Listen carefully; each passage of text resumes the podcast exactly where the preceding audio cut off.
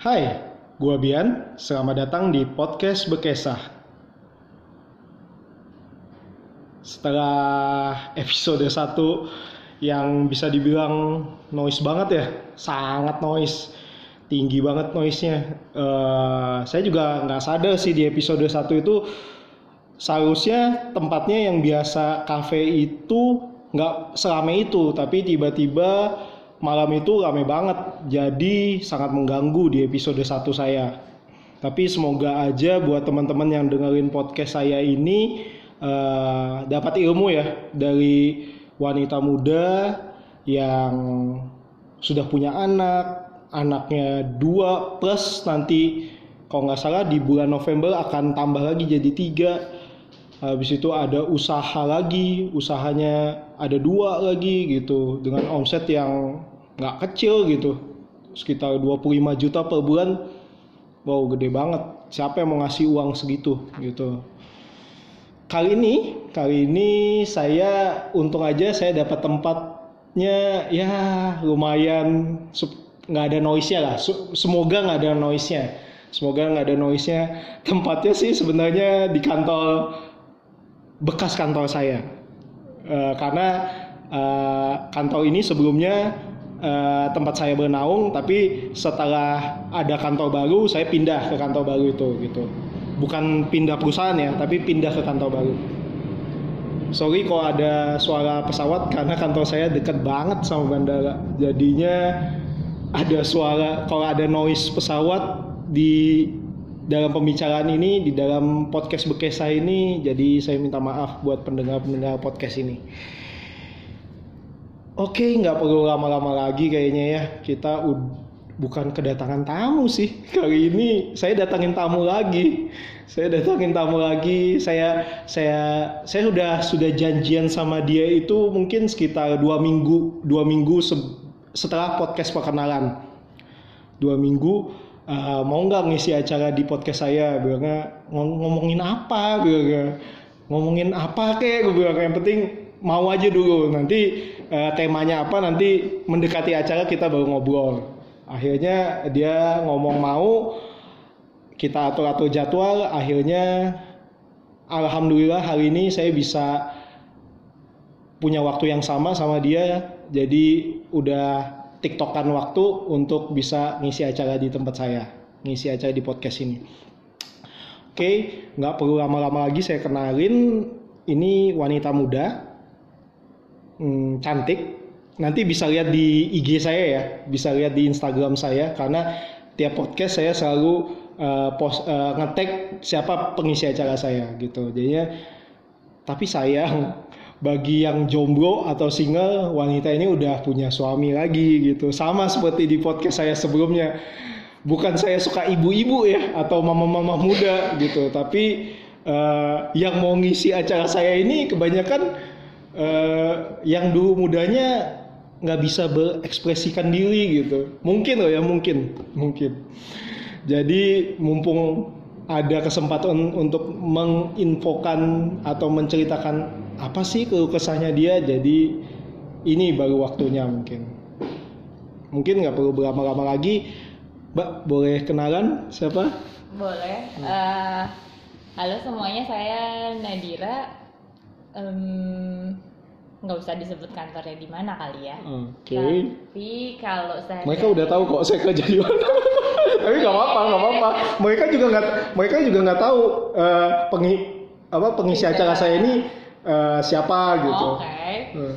Um, untuk sehari-harinya saya bekerja sebagai salah satu staff human resource atau HR di ya adalah salah satu perusahaan di mereka tahu di Balikpapan Tahu. Oke, okay. ya di Balikpapan. Oke. Okay. Kesi kesibukannya itu ya Mbak? Kesibukannya itu selebihnya apa ya? Jalan-jalan hmm. kalau ada waktu. Hmm. Main kalo... sama suami gitu ya? Main. Iya iya iya. Ngurus suami juga sih oh, ya okay. kan. Tanggung jawab. Uh, ya gitu aja. Oh. Apa nyoba-nyobain menu-menu baru gitu atau nyoba-nyobain hmm eksperimen-eksperimen uh, makanan baru supaya suaminya betah di rumah gitu wow, ya? Wow, telak sekali. Sebenarnya sih um, bisa masak juga nggak bisa-bisa banget tapi kalau memang lagi ada waktu yang paling memungkinkan memang ya udah coba-coba resep baru aja gitu Oke. Eh, apa ya mau saya tanya ya? Ini saya juga gugup ini. Yang saya temuin adalah eh, orang ya bisa dibilang eh, kalau di dalam satu perusahaan itu human resource itu orang pertama lah atau eh, departemen itu nggak mungkin nggak punya human resource gitu. Atau betul nggak sih eh, saya ngomong HR gitu? HR. HR ya bener sih HR ya. Paling Human resource. Kalau nggak nggak tahu human resource itu apa, mungkin bisa lebih sederhana lagi SDM, bagian SDM. Betul, SDM atau personalia Personalia ya, biasanya kalau di perusahaan-perusahaan lain ya. Mbak, ini jam baru pulang kerja, jam segini masih lembur ya Mbak? lumayan ya kebetulan agak banyak kerjaannya Oh, lagi banyak ya. iya eh apa aja sih kerjaan personalia atau SDM atau sekarang kalau nama bekennya bukan nama beken sih human resource mengendalikan manusia. Eh, iya nggak sih? Eh, mengendalikan human manusia. resource itu sebenarnya kan sumber daya manusia sih Iya. gitu. Jadi em, ini sebenarnya kembali ke kantornya masing-masing. Iya. karena kalau yang umum Mm-mm. human resource itu pasti orang identik dengan yang bayar gaji, yang hitung gaji, Mhm. atau bahasa kerennya payroll, Heeh. sama satu lagi lebih ke yang pasti ada biasanya rekrutmen Rekrutmen atau ya, seleksi ya Mm-mm. karena kan pasti kita eh, ya di dalam satu perusahaan kadang ada yang baru masuk ada yang Ya. resign ada yang segala macam jadi dua fungsi itu memang yang umum ditemukan di kantor-kantor yang ada di Indonesia kemudian sebenarnya kalau di em, kantor-kantor lain termasuk di kantor saya yang sekarang ini Hmm. ada bagian namanya nggak tahu sih ini benar atau enggak istilahnya Yup. tapi lebih mengarah ke development. development oke Nah development ini yang kadang nggak semua perusahaan punya.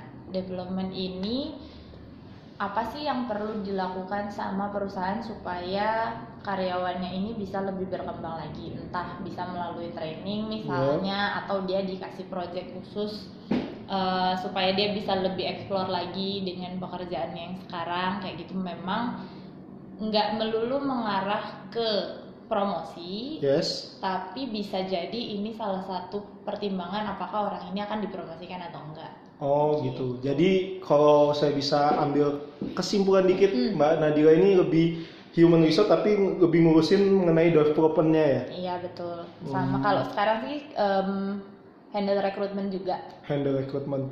Kalau di HR itu itu itu aja bagiannya atau ada bagian lain yang kita nggak tahu gitu? bagian yang lain yang ki- eh, yang mungkin uh, orang nggak tahu. lebih general lah, yang orang tapi tidak tahu gitu. Yang lebih general sebenarnya satu lagi ada namanya IR atau industrial relation Mm-mm. Nah ini termasuk kayak hubungan kita ke disnaker, Oke. ke departemen-departemen lain atau misalnya ada em, kadang kan perusahaan suka diminta ini nih donasi-donasi untuk acara-acara tertentu lah antar pemkot atau apa itu juga masuknya kadang ke HR juga kalau dia tidak punya departemen CSR misalnya atau corporate social responsibility gitu termasuk juga yang kalau di site-site tertentu misalnya ada demo kah dari masyarakat sekitar itu juga pasti yang akan jadi tameng terdepannya HR-nya dulu. Oh gitu ya. Hmm, Berat nggak sih kerja di eh, maksudnya eh, HR itu kan yang dihadapin itu bukan kalau finance jelas ya eh, kita punya data eh, ada data ada eh, ini dana gitu kita alokasi atau Iya. kita ngitung neraca atau eh, profit and loss. Tapi kalau HR ini yang dihadapin kan manusia ya. Manusia kan tipe-tipe manusia ini beda-beda. Ada yang eh, enak diajak ngomong ada yang ngomongnya ngegas mulu kayak saya mungkin ngegas gitu atau ada yang ngomongnya santuy aja gitu itu gimana sih mbak gitu Em, pinter-pinter baca situasi sih sebenarnya Hmm. dan kalau kalau orang HR menurutku terlepas dari dia backgroundnya apa, Hmm. background kuliahnya atau pendidikan sebelumnya apa, semakin dia sering menghadapi orang dia terlatih kok Oh gitu. kita menurutku ya karena Oh.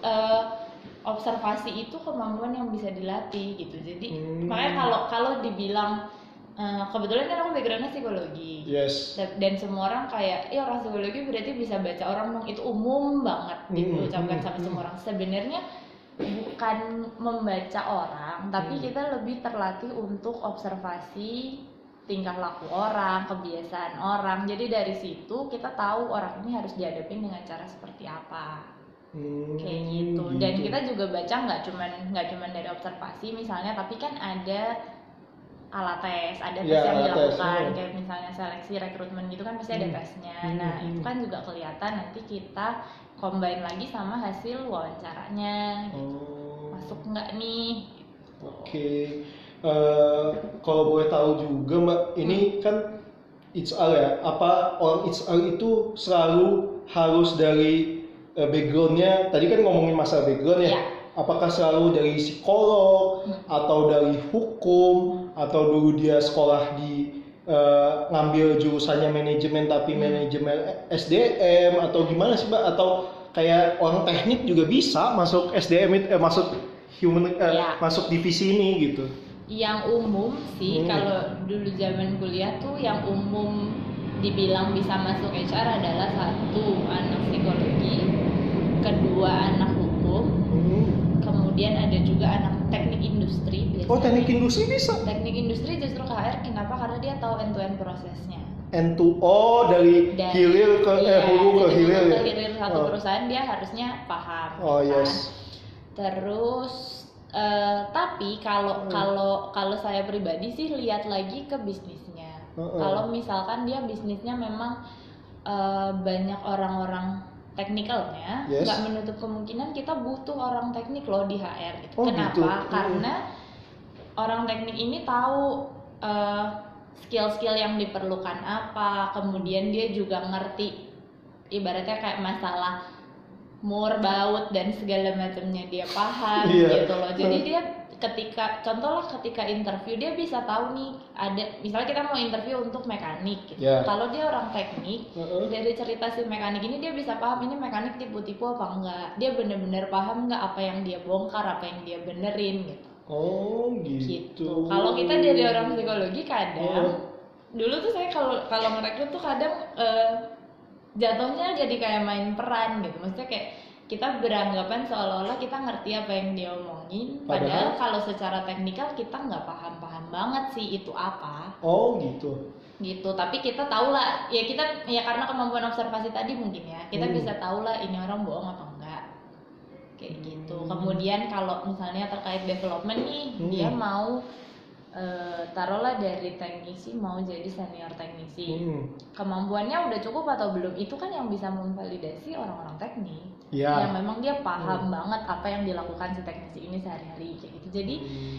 idealnya sih ada balik lagi ke bisnisnya kalau misalkan dia bisnis utamanya adalah sales mungkin dia butuh orang sales satu di HR sebagai advisor kayak gitu kemudian yang pasti ada orang psikologinya untuk Hmm. handle rekrutmen atau uh, assessment yang sifatnya kepribadian gitu orang hukum jelas kita butuh karena untuk masalah industrial relation tadi berhubungan sama pihak luar sama LSM dan segala macam gitu sih Hmm. manajemen juga ya bisa aja kalau manajemen kan mungkin em, bahkan bahkan ada beberapa yang punya orang finance juga di HR orang dengan background finance Oh, untuk iya? dia ya spesialis payroll akhirnya Oh gitu. gitu spesialis Kayak. penggajian dan segala macam Oh. Oh iya ya pasti itu ya. Mm-mm.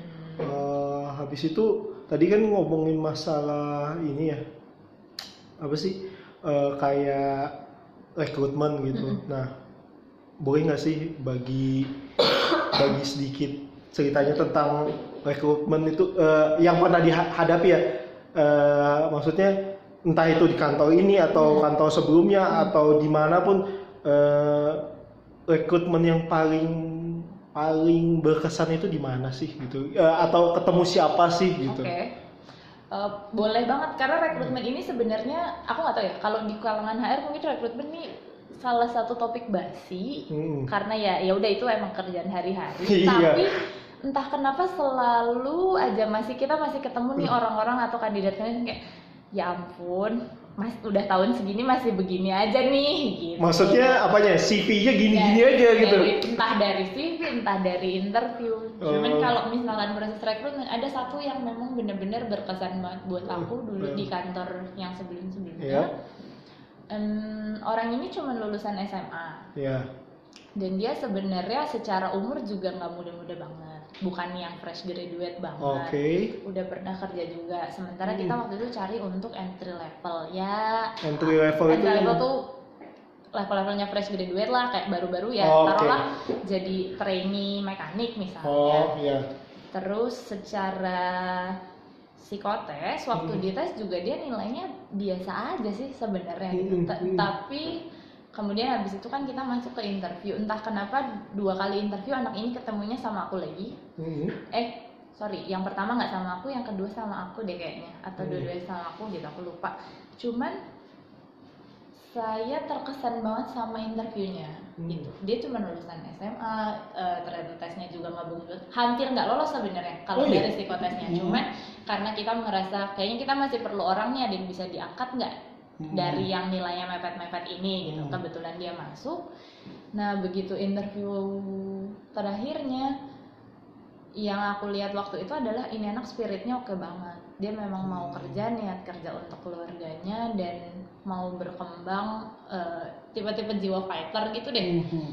Atau suka challenge gitu? Hmm, Bukan? Enggak juga, cuman dia memang kerja tuh nggak ngoyo kayak kerja ya buat cari uang, buat buat kehidupan yang lebih baik Oh, dan oke. apa pun yang akan dia hadapin ke depannya ya Hmm. ya udah kita lihat aja kok tuh semua akan bisa diatasin kayak gitu. Hmm.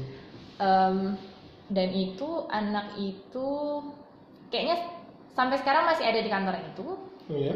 which is mungkin udah enam tahun lebih dan dibandingkan teman-temannya yang lain eh, kita dulu Posisinya. gini dulu posisinya cukup tidak menguntungkan karena mereka akan dijadikan outsourcing dulu Oh. gitu. Baru baru nanti akan eh, outsourcing dan kontrak posisinya Hmm, gitu. Tapi si anak ini dibandingkan dengan 30 anak lain yang satu angkatan sama dia dia Hmm. yang karirnya paling cepat paling paling cepet Top chair lah ya. kan paling paling dipakai di mana-mana dicari sama departemen-departemen lain. Nah di situ itu sih menurutku eh, salah satu reward terbesar untuk seorang rekruter ya Hmm. jadi dia nggak salah rekrut gitu satu yang kedua orang ini memang benar-benar kepake banget dan dia emang bagus banget ternyata gitu dan juga bisa bertahan sampai enam tahun berarti kan bukan tipe yang uh, udah dapat ilmunya terus cabut Oh, oke.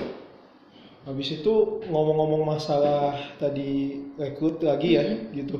Eh, saya kan pernah juga ya direkrut ya. Saya Hmm. udah di perusahaan yang saya sekarang ini juga saya udah perusahaan ketiga lah. Perusahaan ketiga sebelumnya saya di mana di mana di mana. Oke. Eh, saya selalu eh, ngadepin ya ini terserah ya Mbak Iya. Mbak Nadira mau ngomong atau enggak. Oke. Tapi kalau ngomong alhamdulillah mungkin yang yang dengerin podcast saya jadi wah ada kisi-kisi nih gitu. Oke. Gitu. Jadi eh, ada nggak sih kayak kayak saya selalu selalu dikasih eh, apa enam kotak. Hmm. di satu itu ada titik, ada apa angka itu itu mau tahu itu untuk apa sih? Itu mau cari tahu tentang apa sih gitu. Terus terang aja itu itu nggak boleh dikasih tahu. Bukan. Eh aku akan bilang aku tidak capable untuk menganalisa itu Oh. karena itu biasanya dilakukan oleh yang sudah punya surat izin praktek psikolog oh gitu, gitu. Tapi kalau untuk administrasinya aja bahwa Hmm. menjelaskan apa yang harus kalian lakukan itu Hmm. bisa. Hmm. Cuman itu memang lebih melihat ke kepribadian. Oh, salah satunya paling enggak paling yang aku ingat kalau nggak salah salah satunya adalah melihat daya dobraknya seseorang Hmm. kayak gitu apa iya tuh tipe-tipe fighter atau enggak tapi balik lagi ya tes itu kan pendukung. Apalagi tes yang sifatnya gambar. Tes yang sifatnya gambar itu sebenarnya adalah data pendukung pendukung dengan tes-tes lain gitu. Kalau kalau ada satu perusahaan yang aku tahu tes rekrutmennya sedemikian jelimetnya dia bahkan untuk rekrutmen aja ada FGD FGD itu FGD apa? itu fokus group discussion. Jadi kamu akan Oh, di- harus ngobrol gitu. Iya, kamu Ah. dikasih kasus, kamu dalam satu kelompok kamu harus Ah. pecahkan masalah itu sekarang. Ah. Ada yang sampai sejelimet itu Ah, gitu. ah. Jadi itu nggak Bukannya perusahaan nggak kita juga kayak gitu ya? Em, Enggak, enggak sih, Oh, enggak, untuk enggak. rekrutmen enggak. Gitu. Jadi itu nggak mutlak sih. Oh, Terutama yang gambarnya kalau aku pribadi itu nggak mutlak. Hmm, gitu. Jadi buat teman-teman yang dengerin podcast saya, eh, intinya kalau yang tadi gambar-gambar itu gambarlah seimajinasi kalian, karena siapa tahu salah satu imajinasi kalian men- eh, jadi itu yang bikin apa ya kayak oh ini jiwa faktor nih. Tapi kembali lagi eh, tiap perusahaan kan beda-beda ya, iya mbak ya. Betul nggak sih? Kayak tiap perusahaan beda-beda kan. Oh saya mau cari orangnya yang kayak gini nih. Oh saya mau cari orangnya yang eh, orang yang kadang kayak saya kayak saya nih ya kayak saya sekarang ini eh, kalau di departemen saya saya saya kelihatan banget di dibentuknya tapi nggak tahu ya benar atau enggak saya dibentuknya adalah eh, tipe-tipe bad boy tapi ada tipe-tipe nice guy gitu. Jadinya Oke. pada saat nanti ngadepin orang jadinya oh ada yang tipe bad boy-nya ada, Ada tipe eh, nice guy-nya gitu. Jadinya emang mungkin satu departemen itu butuh butuh kayak gitu atau mungkin seluruh perusahaan butuh kayak gitu ada yang tipe nice guy ada tipe bad boy gitu Dan satu hal sih ini sebenarnya yang mau ditekankan Hmm. kalau misalkan kalian nggak lulus rekrutmen. Oh satu sebentar sebelum lupa. Jadi eh, udah banyak kok beberapa perusahaan itu sudah mulai meninggalkan psikotes ya. Jadi Hmm. setauku Gojek itu dia Hmm. proses rekrutmennya dari interview kemudian kalau untuk yang programmer ya udah langsung aja dikasih kasus gitu. Oh gitu Wah, Coba coba buka Instagramnya Gojek waktu dia lagi di take over sama tim rekruternya itu ada tuh. oh iya Ha, itu bisa dilihat. Jadi karena kenapa? Karena tes psikologi ini sebenarnya makan waktu kan, Iya. gitu. Dan untuk perusahaan yang dinamis sedinamis Gojek itu akan ya mungkin jatuhnya merugikan buat mereka gitu karena lama banget.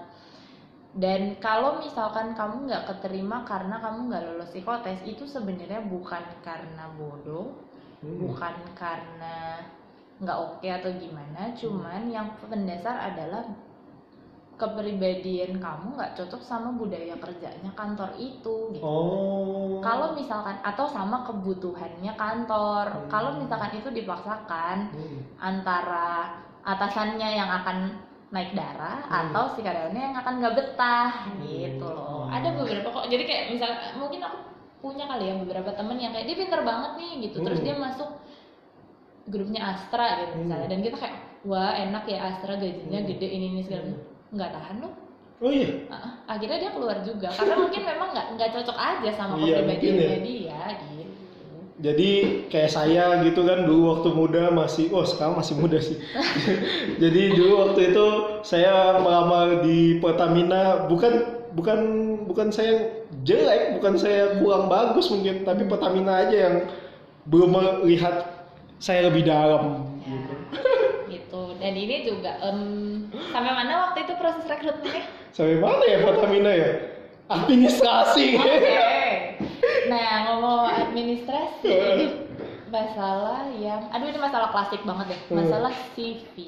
Iya, iya itu tadi ini mau saya bicarakan masalah CV. CV sekarang itu Hmm. 2000 ya 2019 menuju 2020 Iya. CV kayak mana sih yang bagus, yang menarik, Iya. yang bikin orang oh iya, Ya, lu pantas masuk perusahaan gua. pertanyaan bagus. Karena gini, CV, apalagi kita di daerah ya, kita di Hmm. Balikpapan, sampai hari ini masih ada CV hard copy yang ditulis di kertas folio bergaris. Waduh, Itu masih untung ada. saya enggak. itu masih ada ya balik lagi tergantung ke perusahaannya bottom line-nya adalah gini CV yang kamu buat itu menentukan perusahaan macam apa yang kamu tarik akhirnya gitu Oh. kalau misalnya ya kebayang lah misalnya dia masukin lamaran ke perusahaan A yang taruhlah dia perusahaan IT kemudian eh, taruhlah Gojek deh gitu Iya. tapi dia masukin lamaran ke Gojek dengan CV hard copy terus folio bergaris sementara Gojek kantornya sangat IT Iya. base banget Oh, gitu oh, lah itu oh. kan udah akan jelas tak buang Hmm. kayak gitu karena kita udah nggak atau ada beberapa kantor yang mulai kita udah nggak terima lamaran hard copy nih Iya. kita udah mulai main pakai web aja kalian silahkan upload aja ke sana itu satu yang kedua eh, ada kan CV yang kayak skripsi tebel banget Ya, gitu kan Jadi dengan halaman-halaman. seminar-seminarnya Iya, banyak dengan banget. segala fotokopi ijazah dan lalu Eh. itu gitu itu tidak salah sebenarnya sebagai data pendukung cuman Hmm. kalau yang melamar ke misalnya rekruternya masih email based nih jadi Yes. kita ngirim email ke rekruternya langsung Heeh. yang bikin males adalah kamu bayangin kalau misalnya sehari itu kamu terima 100 CV ya Iya, oke. sementara yang dicari cuman dua orang kan? ya kan nah kamu buka email satu subjeknya oke lah lamarannya Hmm. body emailnya kosong Hmm. terus attachmentnya kayak ada 20 biji Wah banyak banget. gitu Isinya apa? segala lampiran kayak ada CV, cover letter, ijazah apa-apa apa 20 lembar itu. CV-nya eh, apa kayak emailnya emailnya mungkin kecil aja 5 Hmm. mega tapi attachmentnya banyak gitu Hmm. body emailnya kosong Heeh. untuk orang yang tiap hari nemu minimal 100 CV di email itu kan langsung saya buang Oh iya.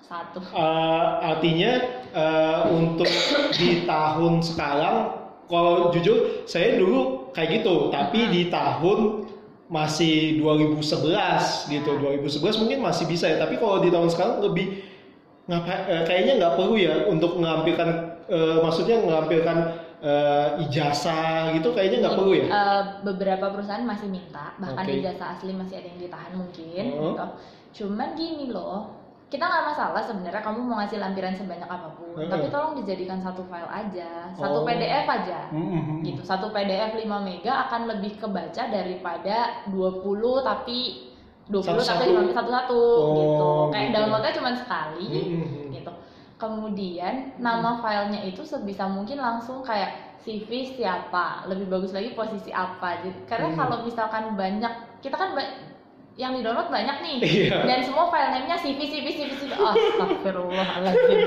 itu capek banget filternya gitu. Hmm. Terus ini Hmm. masalah klasik juga. Jadi, eh, tapi ini masih preferensi sih ya, Hmm. karena kita ngeliatnya kalau body emailnya kosong, kamu cuma nge-attach doang, males banget Hmm, hmm.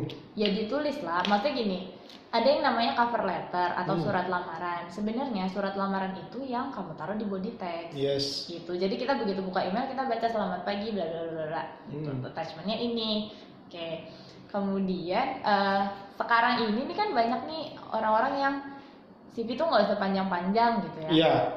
CV-nya Satu lembar aja. dua Eh, lembar aja eh.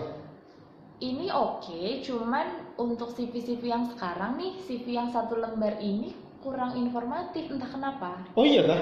Mm-mm. Masalahnya saya eh, ada teman saya eh, nganjurkan bahwa eh, CV itu nggak perlu berlembar-lembar gitu. CV itu cukup satu lembar tapi bikin menarik dari segi warna, dari segi apa Betul. gitu. Bikin menarik dari segi warna sebenarnya kalau ini aku pribadi sih tergantung posisi apa yang dilamar. Oke. Kalau kita melamar misalnya untuk graphic design atau Iya. kreatif design Hmm. itu silahkan deh mau bikin CV bentuknya kubus kayak yang dibuka terus tiba-tiba ada banyak apa-apa ya Ah, ah. justru itu yang memang dilihat gitu. Hmm, Tapi kalau hmm. untuk yang kantoran biasa sebenarnya satu halaman CV ku tuh satu halaman hitam putih dengan foto. Hmm. Tapi di dalam situ ada pengalaman kerja, Hmm. kemudian eh, ringkasan sedikit aja satu dua kalimat apa aja yang dikerjain, background pendidikan dari mana. Hmm. Jadi satu halaman HVS itu dibagi dua kolom Hmm. gitu. Yang jelas kadang yang suka lupa ada loh CV yang sebenarnya udah bagus nih ada latar belakang pendidikan, alamat segala Hmm, macam, hmm. nomor teleponnya nggak ada. Hmm. Terus kita mau nelpon gimana? Hmm. Kayak gitu itu satu. Pakai ini mungkin telepati. Oh, pastikan nomor terus pastikan tolong nomor teleponnya aktif karena Hmm. banyak juga yang ditelepon entah nggak aktif entah nomornya salah. Eh, Atau mungkin yang ditelepon takut diganggu, mungkin sombong. Iya. Wadaw, bisa ngelamar kerja mas.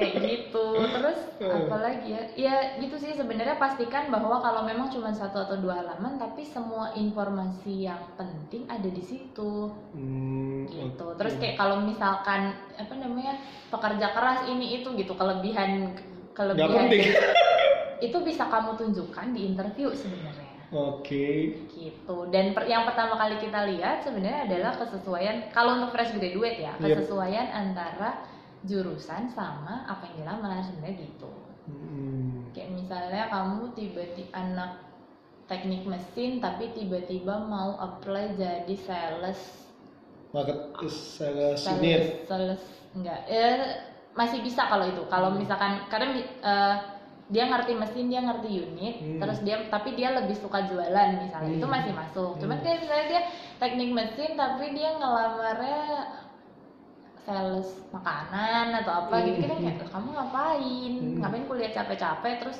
ke sini kayak gitu atau kayak teknik mesin ngelamar di bank gitu Hmm. kalau untuk fresh graduate itu akan jadi filter pertama sebenarnya Mbak mau nanya lagi deh satu, Hmm. eh, satu pertanyaan lagi sebelum nanti kita masuk ke sesi selanjutnya ya. oke Eh, face itu mendukung nggak sih? Eh, kalau aku bisa bilang tergantung user Oke.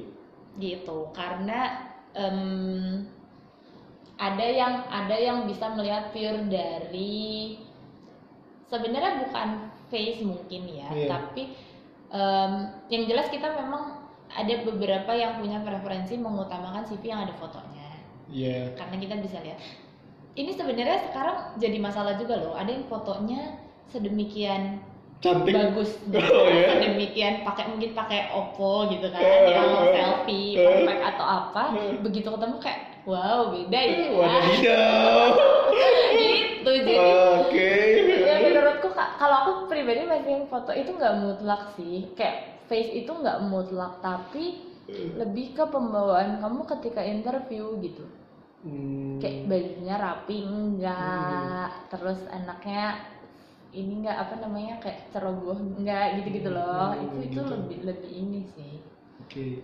Eh, artinya eh, ini ya lebih ke kamu kalau mau nampilkan diri kamu pada saat wawancara lah ya. Mm-mm. Diba- eh, kalau eh, jelas CV juga eh, CV juga mendukung. Fo- eh, foto itu harus ada, tapi eh, CV itu lebih ke intinya kamu apa gitu Iya. di dalam eh, CV itu mau mau menunjukkan skill kamu itu apa gitu ya. Betul nggak sih? iya benar dan eh, tolong CV-nya dipertanggungjawabkan di interview ya itu juga Oh. ini masih case-case yang masih sering terjadi terutama Hmm. sama fresh graduate Mhm. jadi misalnya dia eh taruhlah dia anak IT terus dia Hmm. bilang dia suka programming dan segala macam gitu terus ketika kita interview kita tanya jadi kamu udah pernah bikin program apa "Eh, belum pernah sih iya terus kamu empat tahun kuliah ngapain aja "Eh, ya belajar ini, ini gitu loh Oh. kayak ya gimana gitu meskipun nanti hasil tesnya bagus Heeh.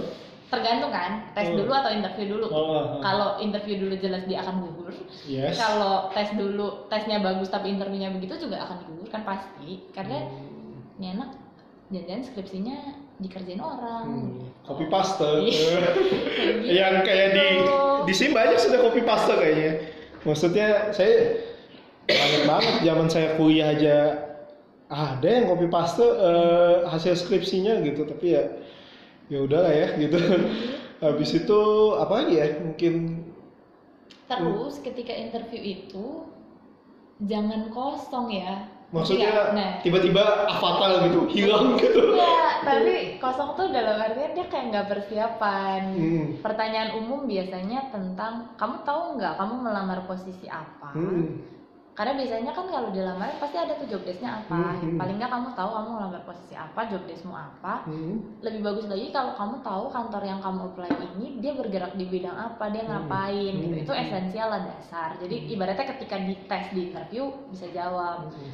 Terus dan sampai kayak kita kadang gini ya, karena em, kita ngelihat juga lowongannya ini untuk apa, Hmm. potensi karirnya ke mana. Hmm. Kadang kita nggak menerima orang karena kita melihat ini anak potensinya besar dan em, sepertinya dia mau karir yang begini begini begini dan eh, karir yang cepat naik atau karir yang tinggi kan misalnya dia mau jadi insinyur atau apa sementara di perusahaan ini kayaknya nggak akan bisa mengakomodir itu gitu Hmm. sayang mending dia cari yang lain kadang gitu Hmm. itu yang itu yang mungkin eh, hanya rekruter-rekruter yang tahu nih kenapa kita menggagalkan dia gitu terus eh, pertanyaan paling mendasar kamu ngapain mau ngeplay ke sini kamu Hmm. ngap- kamu sebenarnya cita-citamu mau jadi apa itu masih sering tidak terjawab loh sama fresh graduate Oh iya.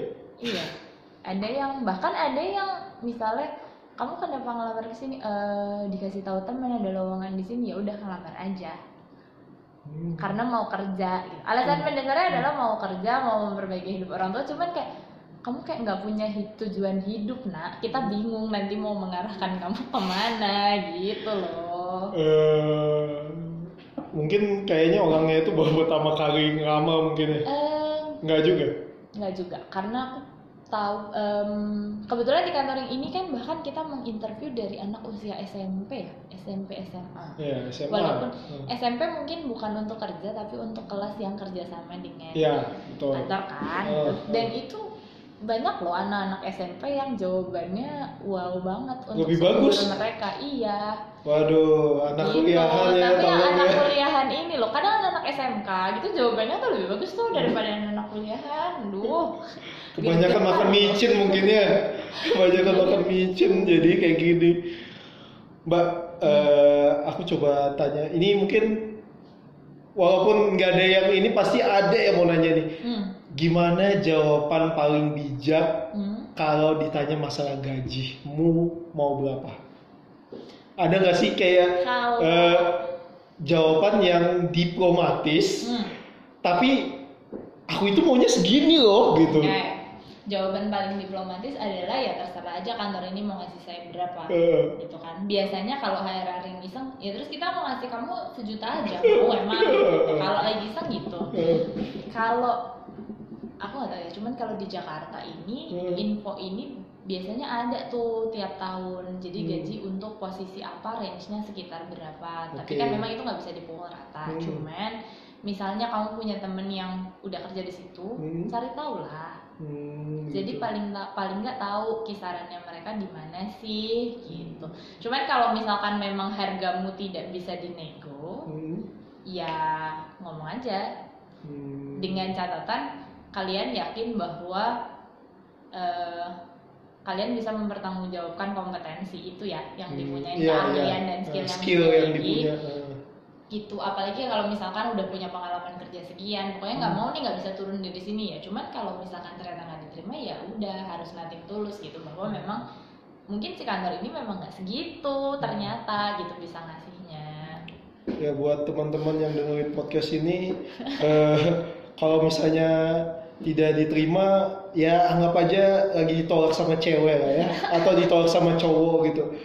Ya kalau udah biasa ya santai aja gitu kok ngegas aku ngomongnya kayaknya sudah pengalaman saya kalau untuk masalah ditolak ditolak kayaknya kayak misalnya gini oh, contoh paling gampang ya kalau ada yang tahu UMK-nya Jogja saat ini itu kisarannya ada di angka satu setengah Hmm. juta nah misalnya cuy. Jogja, Hmm. Jogja dan Semarang itu dua UMK terendah kalau nggak salah. Hmm, hmm. Angkanya kisaran segitu. Nah, misalnya kamu tiba-tiba harus pindah ke Jogja, terus mau kerja di Jogja dan melamar kerja di Jogja, tapi Hmm. di perusahaan yang biasa-biasa aja, yang Hmm. memang ya taruhlah mungkin nggak punya cabang di Jakarta atau apa. Hmm, Terus hmm. tiba-tiba kayak kamu mau gaji berapa? 5 juta. Ya selesai langsung dibuang CV-nya sama rekruternya kayak aduh mbak nggak sanggup kita gitu loh. Oke, oh gitu. Gitu. ya. Oke. Iya sih, kadang eh, saya juga jujur, saya jujur nih ke pendengar podcast saya. Saya dulu pertama kali balik ke kota saya ini, saya ekspektasi saya tinggi, tapi itu Karena dengan ilmu, ya? dengan tidak ada ilmunya gitu, dengan tidak ada saya nggak nanya, saya saya asal pukul segini yang saya mau gitu. Padahal saya aja belum punya skill yang betul-betul skill dunia kerja ya, tapi baru skill dunia kuliahan gitu. Jadinya mungkin bagi pendengar podcast saya yang anak-anak fresh graduate, mungkin saran saya kalau mau melamar kerja cari tahu ya mbak ya, Iya. cari tahu dulu ya. paling nggak kamu tau lah UMK-nya berapa Hmm, karena gitu. ada yang gini anak S1 nih biasanya Hmm, kamu hmm. mau gaji berapa sih 10 juta. ya eh, Balikpapan masih agak manusiawi Iya. 3 sampai 4 eh, sesuai UMK aja UMK-nya berapa Hmm. 3 sampai 4 juta Hmm. halo UMK Balikpapan nggak segitu gitu Hmm. loh jadi rekruternya nanti kita ketawa-tawa aja Hmm, hmm. Ya buat teman-teman podcast ya, apalagi anak-anak UI juga itu yang kemarin eh ada kasus. sebut-sebut alma eh, kemarin anak UI yang kayak gitu itu juga. itu cukup itu cukup membuat saya dibully ya terus terang dengan Hmm. ada itu. Terus Hmm. tapi gini pertanyaan saya pertama. Hmm, apakah yang ngepost beneran anak UI atau bukan? Hmm, itu satu. Yang kedua hmm, dia apply ke mana sih? Hmm, hmm, kalau boleh sebut merek nih. Hmm. Dia apply ke Indomaret tapi dia berharap gaji Bukalapak yang nggak masuk bos gitu Iya, iya, loh iya. maksudnya karena ada anak UI Hmm. yang bisa dapat segitu fresh graduate Hmm. ada aja entah ya mungkin dia jurusan apa Iya. atau dia apply-nya ke mana kayak gitu Iya, adik saya UI kok. Dan gajinya juga gajinya ya di atas yang kemarin lagi viral Iya itu gitu. kan gitu loh Hmm, oke oke. Eh, mungkin kita bentar lagi mau akhiri podcast ini ya mbak. ya. Mungkin Oke. ada cerita-cerita gitu, maksudnya ada unek-unek yang mau diobrolin mengenai dunia it's all ini gitu atau aku ada unek-unek nih di mau ngobrolin mengenai apa gitu ya monggo di Eh, di podcast ini bisa ngobrol udah lebih banyak ke yang sebelumnya sih terutama masalah rekrutmen karena ini kayaknya bener-bener deh terutama Hmm. sebenarnya sih eh, aku pribadi sempat pengen punya rencana untuk em, entah bikin vlog atau apa Hmm. terkait sama rekrutmen ini Hmm. lebih ke anak-anak SMK Hmm. karena ya Balikpapan mungkin beda ya sama Jakarta yang atau kota-kota besar lain yang anak-anak tuh kuliah ya kuliah aja karena orang tuanya memang secara finansial mampu untuk membiayai mereka kuliah tanpa harus kerja tanpa harus Hmm, apa sementara oke. kan kalau di sini banyak kan SMK itu lah harus langsung kerja karena tuntutan ekonomi Iya. atau dia kerja dulu baru nanti kuliah kayak Hmm. gitu ya. Eh, secara psikologis mungkin mereka belum siap, Hmm. secara mental belum siap terjun ke dunia kerja. Hmm. Nah, walaupun ada juga yang aku bilang tadi beberapa anak SMK interviewnya bagus banget gitu, cuman masih banyak eh, anak-anak yang memang belum ready aja. Entah mungkin apakah sekolah bisa lebih ngasih eh, ruang entah untuk semi training. Aku tahu bahwa anak-anak SMK di sini harus OJT, harus Hmm. PKL. Hmm. Tapi kayaknya PKL itu ya oke mereka tahu dunia kerja seperti apa, masuk jam berapa sampai jam berapa, tapi mereka nggak dapet gimana sih caranya bikin CV yang memang akan langsung lolos eh, dilihat duluan sama rekruter misalnya Hmm, atau hmm. gimana sih kalau mau interview gitu karena kita ada juga kok beberapa orang yang begitu interview tuh kita sampai bingung mau nanya apa karena anaknya diem aja Hmm. Hmm. gitu atau anaknya ya gitu tadi cengengesan tapi terus kayak dalam tanda kutip jadi nggak ada isinya Hmm. kayak gitu mungkin anak-anak SMK SMK ini atau yang fresh graduate fresh graduate ini perlu lebih banyak research aja sih lebih banyak riset ke tentang perusahaan yang mau mereka apply tentang gajinya sekarang kisarannya berapa sih di balik papan misalnya itu yang kayak gitu-gitu sih. Hmm, Oke, jadi nanti besok saya anak magang saya, saya punya anak magang nih, saya punya anak magang saya nanti saya suruh aktif, saya suruh aktif untuk ngomong.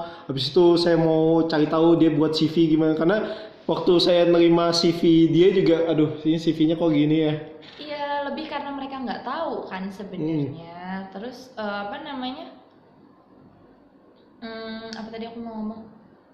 Lebih karena mereka nggak tahu dan mereka mungkin belum siap gitu. Dan kalau di kalau di dunia kerja kan kita nggak ada yang ngajarin kadang Iya, betul. gitu. Nggak semua company cukup care untuk membimbing bener-bener si anak-anak baru ini Yes. untuk sampai dia siap kerja Hmm, kayak hmm, gitu. Jadi memang dituntut harus lebih dewasa ya untuk anak adik-adik yang SMK sih sebenarnya. Oke, Eh, jadi mungkin aku bisa tarik kesimpulannya buat teman-teman yang mau masuk dunia kerja nih. Mungkin kit- sudah harus siap semuanya ya. Kalau perlu kepo ya kepo gitu, kepo tentang misalnya kamu mau perusahaan mau masuk di perusahaan X gitu, maksudnya kamu harus kepoin perusahaan X itu baik apanya gitu, eh, baik itu departemennya yang kamu masukin atau secara general perusahaan X itu gitu ya, betul nggak sih mbak? Betul. Hmm, Oke, mungkin itu aja di podcast Panjang kedua saya ini. Iya, nggak apa-apa. Mudahan aja ada yang denger ya. ya kalau nggak ada dengar ya udahlah tapi alhamdulillah podcast saya ada kalau saya saya lihat hasilnya ada kenaikan ada kenaikan walaupun tidak signifikan tapi ada kenaikan yang jelas semoga di podcast kedua ini nanti akan naik lagi apalagi ini ngebahasnya dunia kerja lagi ya gitu. Dunia eh, gimana sih mau ma- ngob- eh, mau masuk dunia kerja ini gitu. Mungkin itu aja. Nanti kalau misalnya Mbak Nadira diganggu lagi Boleh. boleh ya. Atau eh, yang nanti kan saya tag nih namanya Mbak Nadira di Instagram saya ya. Siapa tahu nanti ada yang mau DM Mbak Nadira untuk nanya-nanya gimana sih kerja itu atau Mbak boleh nggak kasih tahu gimana cara buat CV yang bagus boleh nggak ada Boleh, nggak boleh, boleh ya jadi buat pendengar-pendengar saya di podcast Bekesah ini nanti bisa langsung saya apa bisa langsung DM ke narasumber saya. Oke. Oke ya. Mungkin itu aja dari saya. Uh, sampai jumpa di podcast Bekesah selanjutnya. Ciao.